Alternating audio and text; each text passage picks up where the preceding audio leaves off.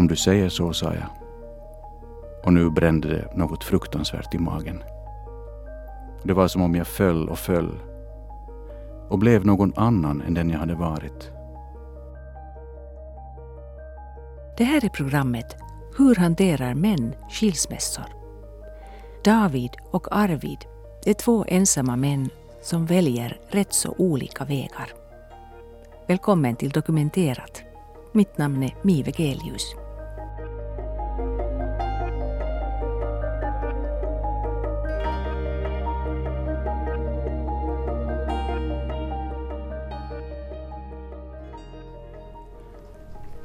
Det handlar om en person som eh, upplever att livet har förlorat meningen lite grann. Inte i en speciellt dramatisk bemärkelse utan att det är en person som tycker att den har tappat sugen, tappat lusten till saker och ting helt enkelt.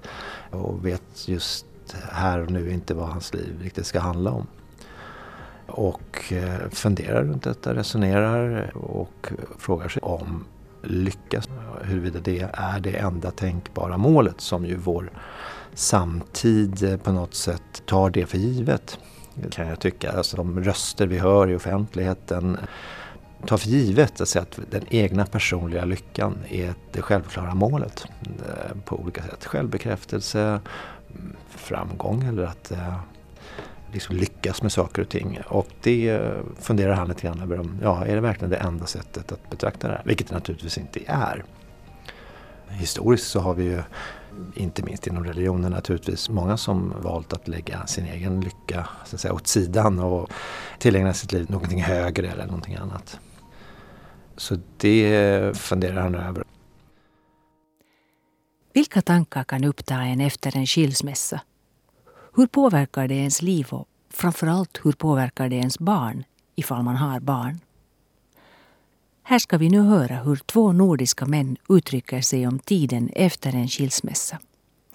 De talar dels om de fiktiva män, David och Arvid, som de har skapat i varsin bok och lagt in av sin egen föreställningsvärld och egna erfarenheter i.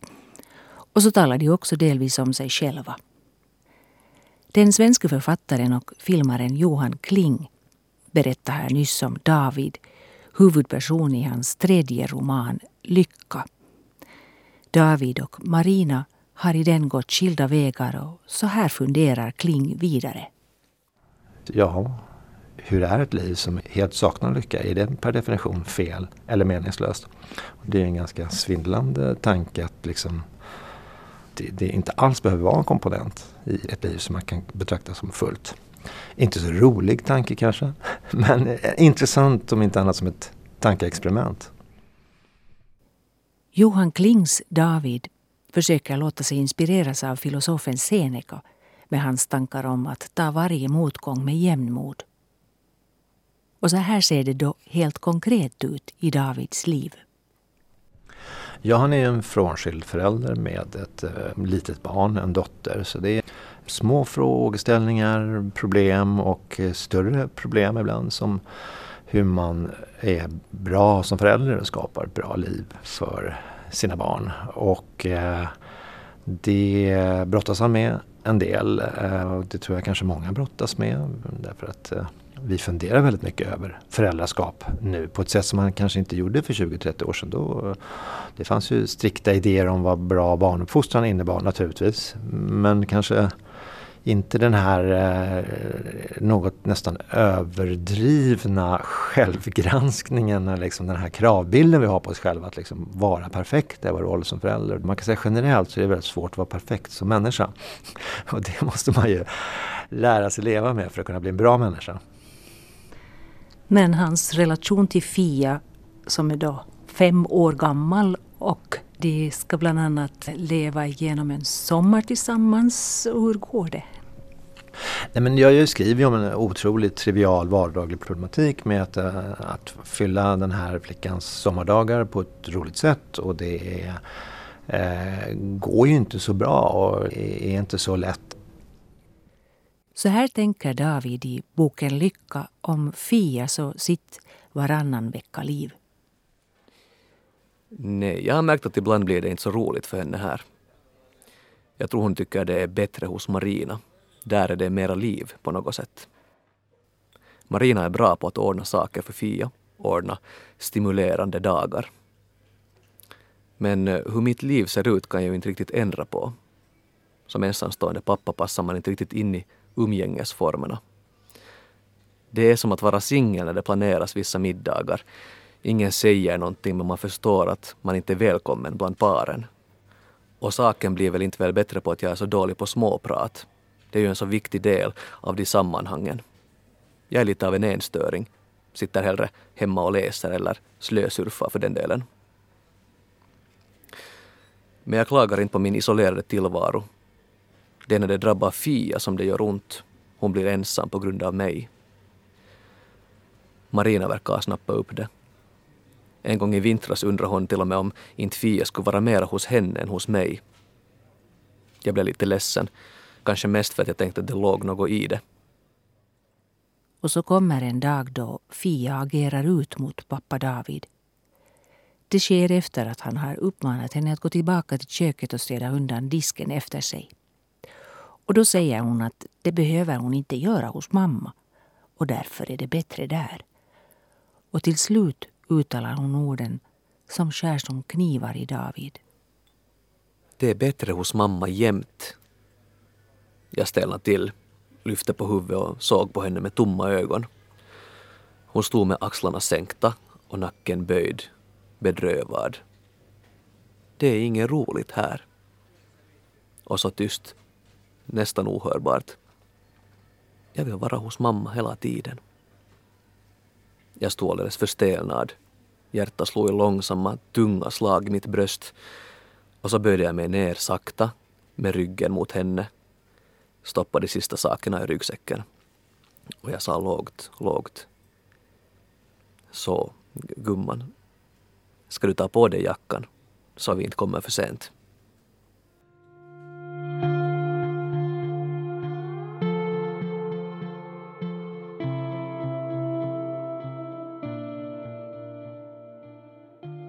Så alltså den svenska författaren Johan Kling.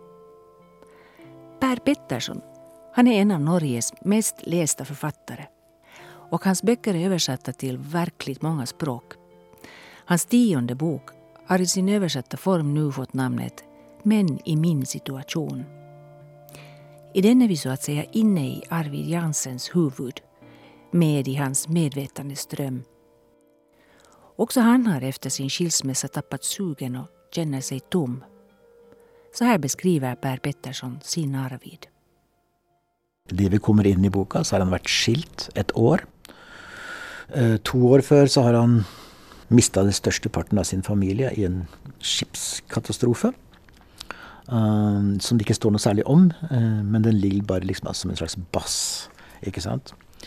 Och han eh, Den situationen han är i, da, är, är att han är då extremt rastlös pga. denne situasjonen som han har havnet i. Og han, eh, han er ikke lenger sammen med sine barn, som han hadde annenhver weekend til å begynne med, men nu har han da ingenting. Ja, den extremt rastlösa Arvid Jansen har alltså förlorat de flesta i sin ursprungsfamilj i en katastrof, en eldsvåda ombord på en färja. Ändå säger han att hans skilsmässa drabbar honom värre. För i den känns det som att han har en egen skuld. Och den... Första frågan det är ju inte att han är alene, att han är ensam, men varför? Varför är Arvid Jansson skilt? Och när Arvid en gång som hastigast är inne i sin exfru Turids lägenhet, där också hans barn, de tre döttrarna, bor, så blir han helt överrumplad av sin upplevelse att allt där är så fullständigt främmande för honom. Men jag hade ändå väntat mig ett något som ännu inte var ett minne blott. En sista rest efter det som var jag. Som alla fyra, var och en på sitt sätt, hade tagit med sig hit. Om inte annat än som en ännu märkbar frånvaro. En flaska som inte fyllts hela vägen upp igen. Men det fanns ingenting där. Jag var som utplånad. Det hann gå sex år mellan den här Per Petterssons tionde bok Men i min situation och hans föregående, den nionde. Och det som gjorde, tror jag, att jag inte fick till att skriva boka, det var för att jag inni mig så ville jag inte gå dit där dessa vanskliga ting var. Det med döttrarna, barnen hans, då. Så, så de tingen där eh, de hindret meg eh, liksom underbevisst nesten at jeg sånn Ikke gå dit, ikke gå dit, for det er så vanskelig. Det er så pinlig, det er så alt mulig rart, da. Men eh, uh, når du skriver en roman 'Always move towards pain' Og det har jeg da klistret på veggen over når jeg skriver ordet mitt. Da. Og jeg ser på det så faen. Så jag jeg måtte kapitulere, da. What's the pain here? Ja, Så det kostet meg ganske mye å skrive om disse døtrene og forholdet til dem. Og det går jo dårlig, da. Uh, eh, altså han har dem jo da annenhver helg, da, eller weekend. Men på et eller annet tidspunkt så vil de ikke komme da heller. Og han får en telefon av sin eldste datter som informerer han om dette her, da. Det var Vigdis som ringde. Vigdis var tolv år och storasyster. Hon tog ansvar och överlät det inte till sin mor. Det blev ett formellt samtal. Hon sa, pappa, vi kommer inte till dig på helgerna mer. Vi är överens. Vi kan komma en gång till innan skolan börjar. Men sen passar det inte så bra längre. Det brände till i magen med en gång. Men jag vågade inte fråga varför eftersom jag inte kunde veta om svaret jag skulle få var ett svar jag kunde leva med. Utan att blinka avstod jag från rättigheter som uppenbarligen var mina och som jag med fullt stöd kunde hävda. Men jag kunde inte kräva dem på någonting de inte ville ge. Det kunde jag bara inte. Jag sa det var ett tungt besked att få Vigdis. Men om ni är överens får jag väl böja mig för det. Jag visste inte vad annat jag kunde säga. Hon var så allvarlig. Och jag ville inte göra det svårare för henne. Det kunde jag inte. Men ändå sa jag, det finns ingenting jag kan göra då eller säga som skulle få er att ändra ert beslut. Jag tror nog inte det, pappa. Om du säger så, sa jag. Och nu brände det något fruktansvärt i magen. Det var som om jag föll och föll och blev någon annan än den jag hade varit. Jag blev en annan far. Och jag blev tyst. Och Vigdis sa, pappa är du där? Och jag sa, ja, nu är jag här. Men det var jag inte. Någon annan var där. Jag måste lägga på nu, sa Vigdis. Ha det bra pappa. Jag tycker jättemycket om dig. Vi kanske kan ringa till varandra många gånger, sa hon. Men nu med en helt informell ton. Jag hörde att hon höll på att börja gråta. Och då sa jag så snabbt jag kunde. Det kan vi. Jag tycker jättemycket om dig också. Ha det bra Vigdis. Så hörs vi snart. Och det som många syns är väldigt märkligt som läser boken, ja, särskilt kvinnor då. Hvorfor slåss han ikke for Jeg ser du nikker, ja. Jeg har fått Kvinner er forbannet på meg for det der. For han, han slåss ikke for sin rett, på et vis. Og døtrenes? Døtrene, selvfølgelig. Uh, han har jo på en måte krav på det, og de har jo krav på å ha en pappa som de kan besøke, men så gjør de ikke det likevel. Og hvorfor gjør han ikke det? Er det fordi at han gir faen? Det er ikke det. Det er fordi han kan ikke be dem om noe som de egentlig ikke vil gi ham. Hvis han sier 'jo, men kan dere ikke', og så sier de nei. 'Pappa, vi har bestemt oss'. Hvem er han da? Hvis de ikke kan gi han det han vil ha, og han vet det egentlig på forhånd, da kan han ikke be om det. Fordi da mister han seg selv. Da blir han en annen person. Da blir han Ja, hvem da?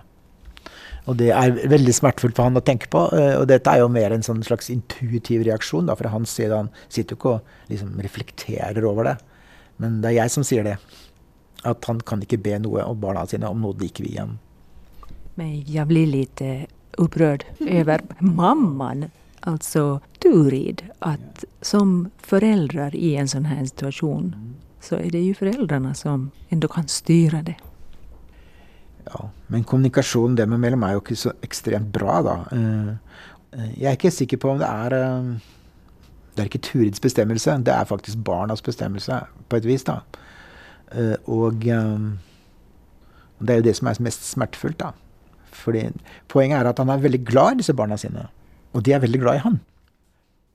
Ja, men om föräldrarna samverkade här skulle det då ändå vara mer av en självklarhet för döttrarna att turas om att möta dem båda. Och också om det hela i det här fallet kanske har att göra med händelser innan.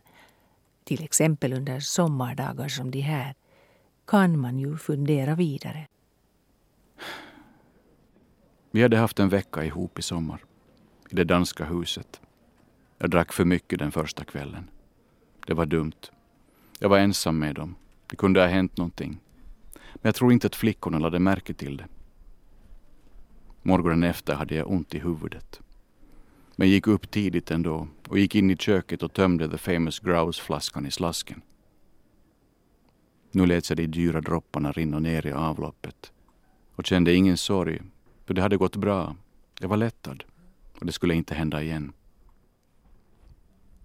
Jag skulle just skruva på korken på den tomma flaskan när Vigdis kom ut från sovrummet alla tre delade på, som de hade gjort hemma, när de fortfarande kom dit på helgerna. Hon såg mig direkt och förstod vad jag hade gjort och sa ingenting utan nickade lätt medan hon lyfte blicken från flaskan och mötte min blick. Och just då, för en kort sekund, befann hon sig över mig. Var hon vuxnare än jag och hade en överblick och en insikt som jag inte hade. Det kunde inte vara sant. Det var inte sant. Hon var ännu inte 13 år och ändå genomfors jag av en känsla av skam och underlägsenhet.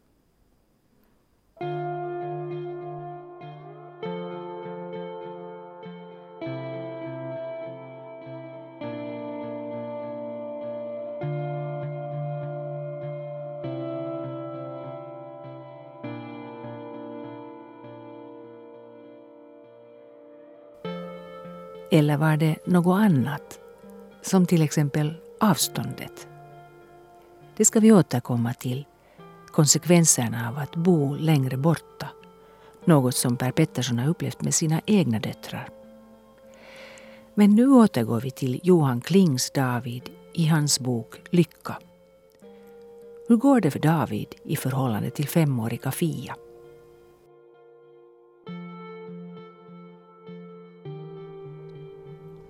Hur reagerar David då när, när hon längtar till mamman? Ja, det är ju smärtsamt naturligtvis. Så att säga. Det, och, men jag tror att det som faktiskt plågar honom mest är för flickans skull. Så att säga, att han blir ledsen för hennes skull. Att just nu har hon behov av sin mamma och det går inte för vi har den här uppdelningen just idag och så vidare. Så att eh, det, det tar ju på honom, det gör det. Och I ett skede så blir det så att mamman förklarar att eh, hon inte ska vara med pappan så mycket. Hur reagerar han då? Han känner ju en oro för att med så att säga, längre eh, avstånd mellan tillfällen de träffas och kortare, att det ska uppstå en, liksom en att man ska glida isär på något sätt. Men i den här kommunikationen med mamman så står han inte så väldigt mycket på sig. Alltså, varför? Nej, han tar inte strid för det här. Det är för att han gör den bedömningen att eh, det är vad dottern behöver nu.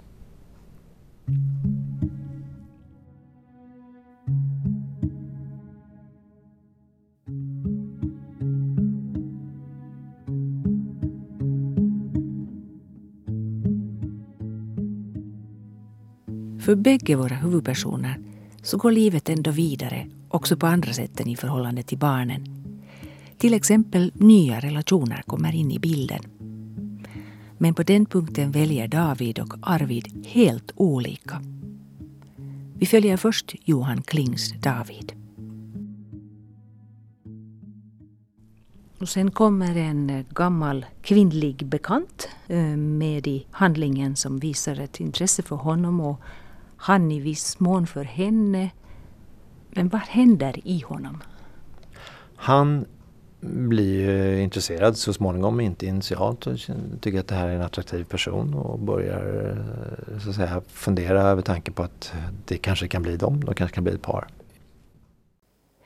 Samtidigt sätter tanken på en relation med denna kvinna igång en process i honom. Han funderar över vad kommer det här att innebära för dottern. Han går verkligen igenom det. Och konstaterar naturligtvis att det är inte alltid så att när en förälder skaffar en ny partner att det är bra för ett barn. Det kommer in en annan person in i den här relationen som gör anspråk på förälderns kärlek, Oidipus eller Elektra-komplex. Alltså, det är självklart att det kan uppstå en slags avundsjuka, svartsjuka som jag tror kan vara väldigt starka känslor, speciellt om, om barnet är litet. Och det överväger han väldigt noga och ju mer han tänker på det så kommer han fram till beslutet att han inte vill utsätta dottern för det nu. Han vill inte föra in någonting i livet som har någon som helst potential att vara liksom negativt. Efter då den här som han tycker, separationen som är ett stort misslyckande. Så ovanpå det vill han inte ha ytterligare någonting dåligt. Så han bestämmer sig helt enkelt för att avstå från eh, den här specifika relationen och att ha någon ny relation överhuvudtaget. Och att ägna sitt liv till fullo som en slags förpliktelse att, att liksom göra det absolut bästa möjliga för, för dottern. Ja, gör han det till en livsuppgift att vara en bra pappa? Han gör ju det och, och just i det här speciella fallet så han har ju varit på jakt efter en mening, alltså man har känt de här meningslöshetskänslorna. Han har också tänkt i termer av att det är inte din egen lycka kanske som är det absolut självklara att eftersträva. Och då faller liksom alla de här bitarna på plats. Ja men här är det det här du ska göra, det är det här du ska ägna dig åt. Om det innebär en ensamhet för dig, du får avstå någonting, ja men då är jag beredd att, att, ta, att ta, det. Eh, så att eh, jag upplever det som ett lyckligt slut på boken. Även om en del tycker att det känns eh, lite sorgligt och vemodigt det här valet. Så jag upplever att det är en person som, som hittar sitt svar. Ja, alltså man kunde ju tänka sig någon lite medelväg att Kajsa och Fia hade träffats något tag och David här hade läst av att det kunde kanske varit något som hade gjort de här sommardagarna till exempel roligare för Fia. Nej, men han, han, han utröner ju de där tankegångarna ganska noggrant. Där jag väl skulle säga att jag tror att han resonerar väldigt rätt så att säga, i, i den här analysen. Är han en lycklig man? Eller hur ser du på det? Det är ju någonting som många anför just, så att säga. Det vill säga att de säger att ja, men jag blir mycket bättre person. Och det det, det, kan man ju spekulera i men det, jag tror han skulle uppleva det som ett självbedrägeri eller att det är ett, falskt argument nästan. Vad känner du själv igen hos honom och också dina andra manliga karaktärer? Alltså jag känner ju igen det analytiska och observationsförmågan.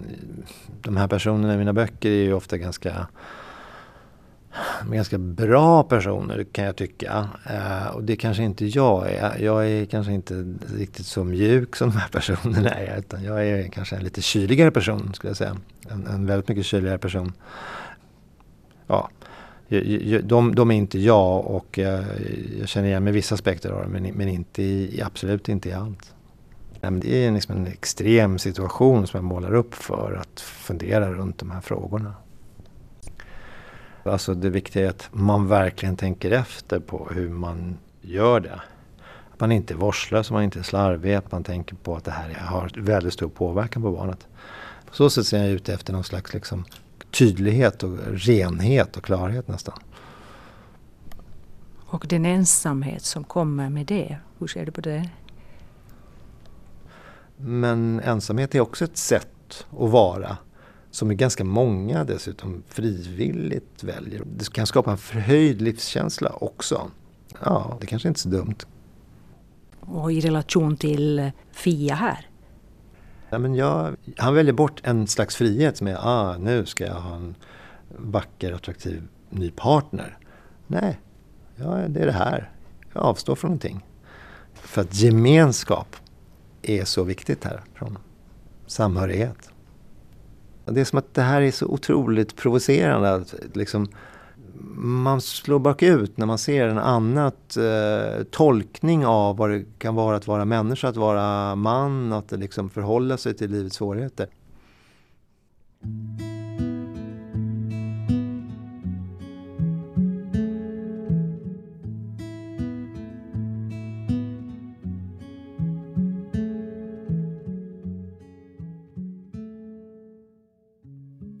Så Johan Klings David i boken Lycka.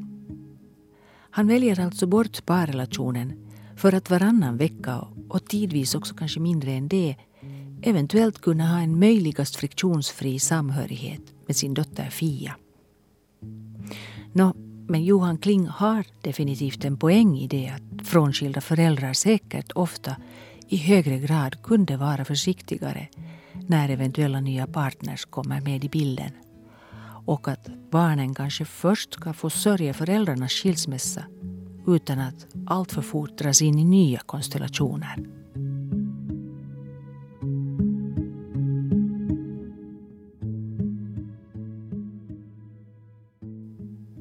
Och hur går det för Per Petterssons Arvid? Han som först länge sover ute i sin bil för att där i sömnen slippa tro att exfrun Turid fortsatt ligger bredvid honom i den tidigare gemensamma bädden. Ja, rätt så snart så träffar också han någon. Eller rättare sagt, han träffar många. Så här formulerar han sin längtan där ute på stan. Jag var nyduschad, håret nytvättat. Jag skulle ta igen det som förlorats, vad det förlorade än var. Jag var 38 år. Allt var bortblåst. Jag hade inget kvar. Det hade slutat snöa när vi passerade showshallen. Restaurangen där jag flera gånger hade hamnat med en oskarp öl framför mig och en vild längtan efter hudkontakt eller vad jag än kunde få tag i. Och det var inte länge sen sist. Och inte heller lätt att glömma henne jag hade lämnat lokalen med. Hur framfusig jag hade varit. Hur insisterande. Ja, Arvid träffar som sagt många kvinnor. Och de vill ha honom. Men inom honom så, så finns det spärrar. Och en av de som det faktiskt blir ganska fint med, da, den ger sig hen till honom. Och hon satsar på att jag har tillit till honom, så då, då gör jag det. Och han blir ju då väldigt glad och lite stolt, inte sant? för hon ger sig hem till honom. Tänk som wow. Men så blir han också trist, då, för han skönjer att jag kommer aldrig att ge mig hän på den måten som jag ser att hon gör. Eh, det är inte möjligt för en man i min situation, säger han da. ikke sant? Eh, så plötsligt så ringer hon en sista gång da, och så säger at att nu har jag förstått att du har ju ingen anelse om vad du går miste om. da. ikke sant? Altså, och då hade jag egentligen tänkt att lage en svarreplikk för honom. Och så skjønte jag att det, det finns ingen svarreplikk, För hon har ju helt rätt. Och vad ska han säga? Og sånn som han är så går han ju miste om kärleken da. För han vet inte helt vad det är. För han ser inte vad det är han inte tar emot. Jag kände att jag liksom kände honom igen då.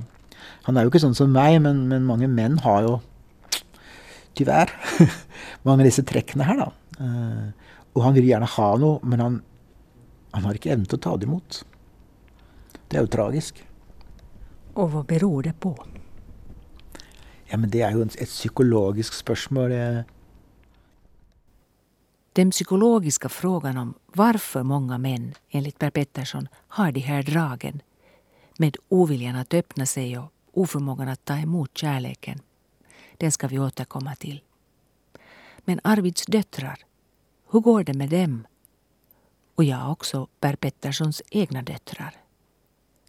Så här berättar han om sig själv och sina döttrar när han efter sin skilsmässa först hade döttrarna hos sig varannan vecka och varannan bodde de hos sin mamma i höghuset i närheten. Jag hade en 50 procent där för min exen bodde bara som någon blocker bortanför och det var samma skola, no problem liksom. Och det som jag skönte dessvärre är att uh, mor är borta i familjen så går äldste dottern alltid in som lilla mamma. Hon blir stöttepersonen hans, hon blir hans kona på ett vis. Då. Och hon gör det bara helt instinktivt. Och han tar emot det instinktivt. Och det är inte bra. Det är inte bra för henne, men det är heller inte bra för honom. Det är faktiskt ganska skadligt för det barnet. För om han då sviktar så blir det en ny skilsmässa. Ikke sant? Fra henne. Det förstår han dessvärre inte så väldigt gott. Um, så, och det syns jag var ganska sånn pinefullt att gå in i. da och skriva, skriva där. Liksom. Så var det för den äldre av Per Petterssons två döttrar som omedvetet tog på sig mammans roll efter skilsmässan. Och så är det också för Vigdis i Petterssons bok Män i min situation. Det går allt sämre för henne. Och först försöker hon övertyga sin pappa om att mamma Turid vill ha honom tillbaka. Själv är han övertygad om motsatsen och orsaken till det ska vi återkomma till. Men i ett skede så får dottern Vigdis svimningsanfall. Och nu när alla andra idéer är förbrukade att försöka hjälpa henne så tycker mamma Turid plötsligt att Arvid ska skaffa psykiatrisk hjälp för Vigdis. Och medan de är på väg till ett sjukhus får Vigdis panikångest. Hon slog sig hårdare i bröstet. Det var mer panik i hennes röst nu än förtvivlan. Och hon sjönk ner på knä med händerna hårt pressade mot bröstet. Och slog sig igen och viskade pappa, pappa, jag kan inte andas. Och jag sprang fram och sjönk ner bredvid henne och höll henne hårt om axlarna och kände hur hon hade magrat och tänkte, fan, var har jag varit? Hade det trots allt blivit ett avstånd mellan oss? En hinna? En slöja framför ögonen? Framför mina ögon i så fall. Och så hade jag inte sett henne som den hon var. Medan hon kanske hade sett mig som den jag var. Men det ville jag inte tänka på nu. Och jag sa, bara andas in Vigdis. Bara andas så djupt du kan.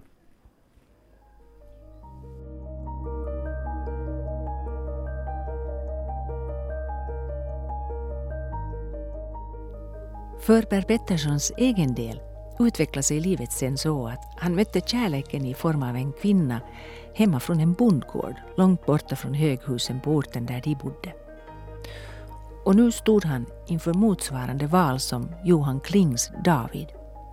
David valde ju att säga nej till den nya relationen för att helt satsa på att vara pappa för sin dotter.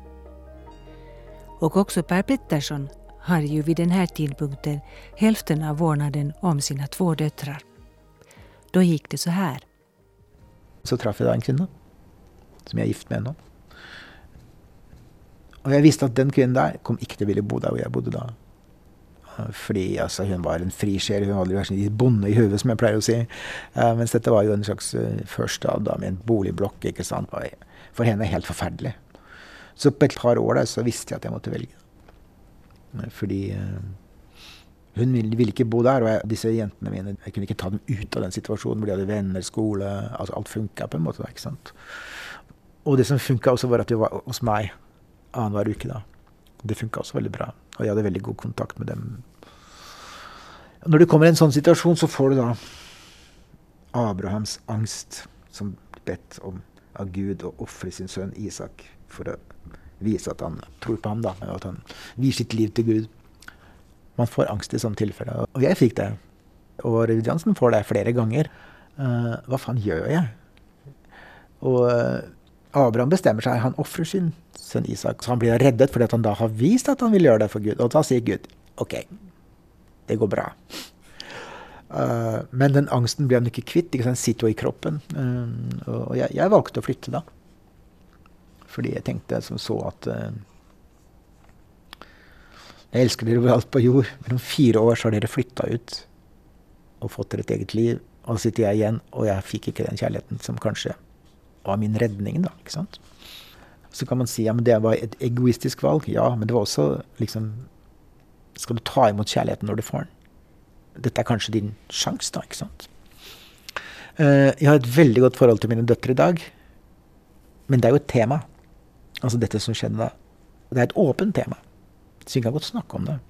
Og det har vi gjort mange ganger. Og jeg forklarer dem hvordan jeg tenkte. Sorry, jeg måtte ta et valg. Og det er det som er å være voksen. Det er å ta sånn ekstremt vanskelig valg. da. Og de aksepterer forklaringen, men de, de tilgir meg ikke. Fordi det var så jævlig vanskelig for dem. Særlig den eldste, da. ikke sant. Så eh, De forlot deg ikke? De forlot meg ikke, nei. Eh, de, de tilgir meg ikke, på et vis, da. Samtidig som vi er kjempeglade i hverandre, og det er det som er det daglige. ikke sant? Det er det som er, viser seg. Når vi er sammen, når vi samtaler, og alt sånt, så er jo det, det er jo den kjærligheten som er liksom Det er sånn det er. Men bak der så ligger denne, dette valget, da. Som en sånn eh, Som et evig tema, da. Men innebar det att ni inte alls träffades? Till att börja med så, så var det hos mig annanhver helg, då, annanhver weekend. Men jag flyttade så pass långt bort att det började bli ganska strävsamt. Då. Jag måste köra dem till skolan. Och så man ofta så är man ah, annanhver vecka och så är man då varje onsdag. Eller sånt. Och det att köra från mig till den skolan där det gick på, mitt på vintern, det var ett, nästan omöjligt. Så där rök den onsdagen och så, och så bor jag på en liten gård. Då. Och vi har får. Och och så slaktar vi lamm, och vi slaktar hemma. Så min äldsta dotter som då egentligen ville ha ett eget liv och inte ville vara hos mig varje helg för att hon ville ha ett liv sammen med sina vänner och sånt. Så, och hon var blivit vegetarianer. Så sa pappa jag kan inte vara här på lilla Auschwitz. Den satt. Men då tänkte jag att detta är hennes överbevisande måte om att liksom säga jag kan inte komma mer. Och det accepterade jag för jag förstår ju varför hon sa det. Inte sant? Uh, ganska god taktik då. Så, men, eh, men, dette er jo mine ting, da, og dette er jo ikke Arvid Jansens ting. Men det fins en sånn type eh, atmosfære rundt disse tingene, ikke sant? Eh, uh, og en slags bånd som inviterer til den type bok, da, kan du si. ikke sant? Uh, og jeg kjenner han igjen da, fra mitt eget liv. Og da kan du ikke søke lettvinte løsninger. Da må du bare liksom gå dit hvor det er verst. Så så var det alltså för Per Pettersson själv på grund av avståndet valde han att satsa på sin nya kärlek. Men hur går det för Petterssons karaktär Arvid i hans bok Män i min situation? Vad beror det för det första på att Arvid inte kan återvända till Turid som han samtidigt på sitt sätt saknar? Och varför lyckas han inte heller gå in i en ny relation vad gör det så svårt för honom att kommunicera? Per Pettersson. Den kulturen han växte upp i. Alltså jag växte också upp i ett... Ja, hade var ju väldigt, ett hem som var väldigt tyst. Då. Alltså, vi snackade massor. Vi såg på fotbollskamper, vi såg på TV och vi snackade om musik och whatever. Liksom. Men det var ju... Jag såg aldrig mina föräldrar ge varandra en kram. Då. Aldrig kyssa varandra. Og de snakket ikke om noen ting som var jævla komplisert, da. annet enn økonomien eller, eller arbeidsforhold. Da. De var jo arbeid, arbeiderklasse begge to, eh, og var jo ganske slitne. och og jeg og min eldste bror vi har snakket mye om det etterpå. Sånn, hva faen, vi lærte jo ingenting hjemme. Og det tok oss lang tid å liksom overkomme. Men det er jo litt for enkelt, syns jeg. For det som du reduserer til ren sånn familiepsykologi det er jo mange ting som spiller sammen. Da. Men når man skriver bøker som blir lest, da, så får man jo ofte reaksjoner. ikke sant? Og jeg har alltid fått mye tilbakemeldinger fra kvinner, også når det er liksom mannlige hovedpersoner. og sånn. Men denne gangen så har jeg også fått tilbakemeldinger fra mange menn. Uvanlig mange menn. Fordi at de også er ensomme. De er jo gift, stort sett alle sammen. Men det er noe de kjenner igjen som de syns er jævlig komplisert, og så plutselig så er dette i en bok detta komplicerade. Ja, Per Pettersson berättar också om ett publikframträdande som han gjorde i Trondheim. Det kom massor med människor. 350 som trängde sig in i ett litet bibliotek. Och där var en kvinna som reste sig och sa Men vad ska vi göra med dessa männen våra då? Så de spurte om hur kan vi hindra att han blir sån? Och jag bara sa liksom, jag är romanförfattare, jag vet inte. Åh jo då, skrek hon till mig. Som om jag satt på liksom den heliga graal och, och, de stora svar här på livet. Men de var ju helt desperata, dessa damer. De ville veta varför i helvete är min man också slik. För det var liksom ett stort suck uh, av liksom desperation nästan. Alltså, jag kommer ju fan inte fram till han. Ikke sant? Han snakker jo ikke med meg. Han sier 'jeg kan ikke snakke med deg', jeg kan ikke snakke med deg. Og alle kvinnene i salen satt sånn og nikket på hodet. Per Pettersson säger att det är extremt komplicerat varför det är så många män som är oartikulerade och inte pratar i viktiga situationer. Han konstaterar att det Arvid alltså bland annat saknar är språket. Uttrycksförmågan för verklig öppenhet och närhet. Under hans uppväxt så har han inte upplevt situationer och haft projektionsytor som, som skulle ha tränat honom att uttrycka sina innersta tankar och känslor. Medan många kvinnor, då förgäves, i relationen väntar på Att han ska säga något, han ska göra något som på något sätt bekräftar det de har samman. Då. Och så gör han inte det.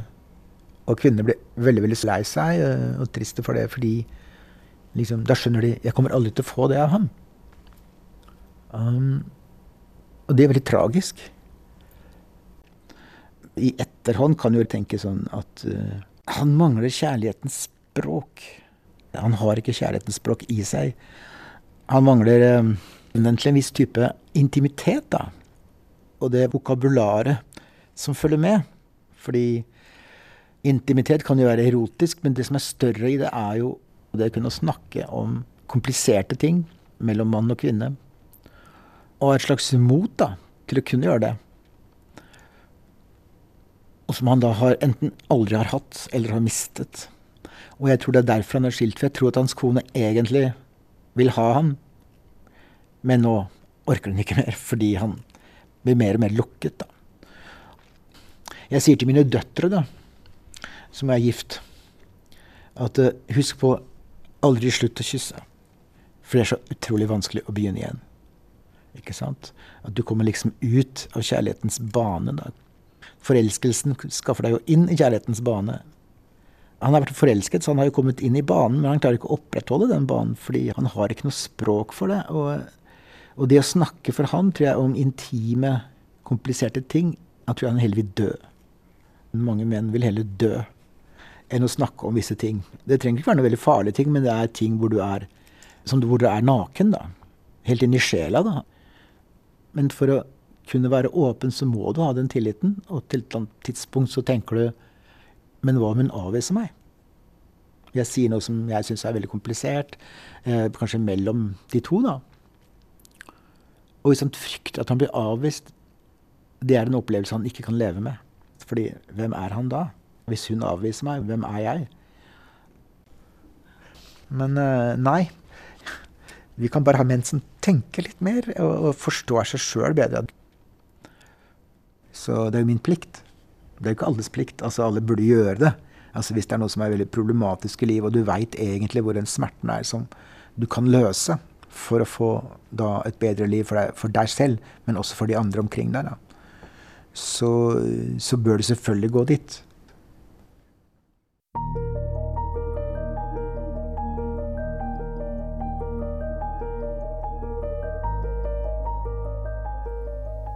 Det här var dokumenterat Hur hanterar män skilsmässor? Författarna Johan Kling och Per Pettersson delar med sig av sina mansbilder ur sina senaste böcker Lycka och Män i min situation. Ur dem läste Staffan Gräsbäck och Stefan Brunnow.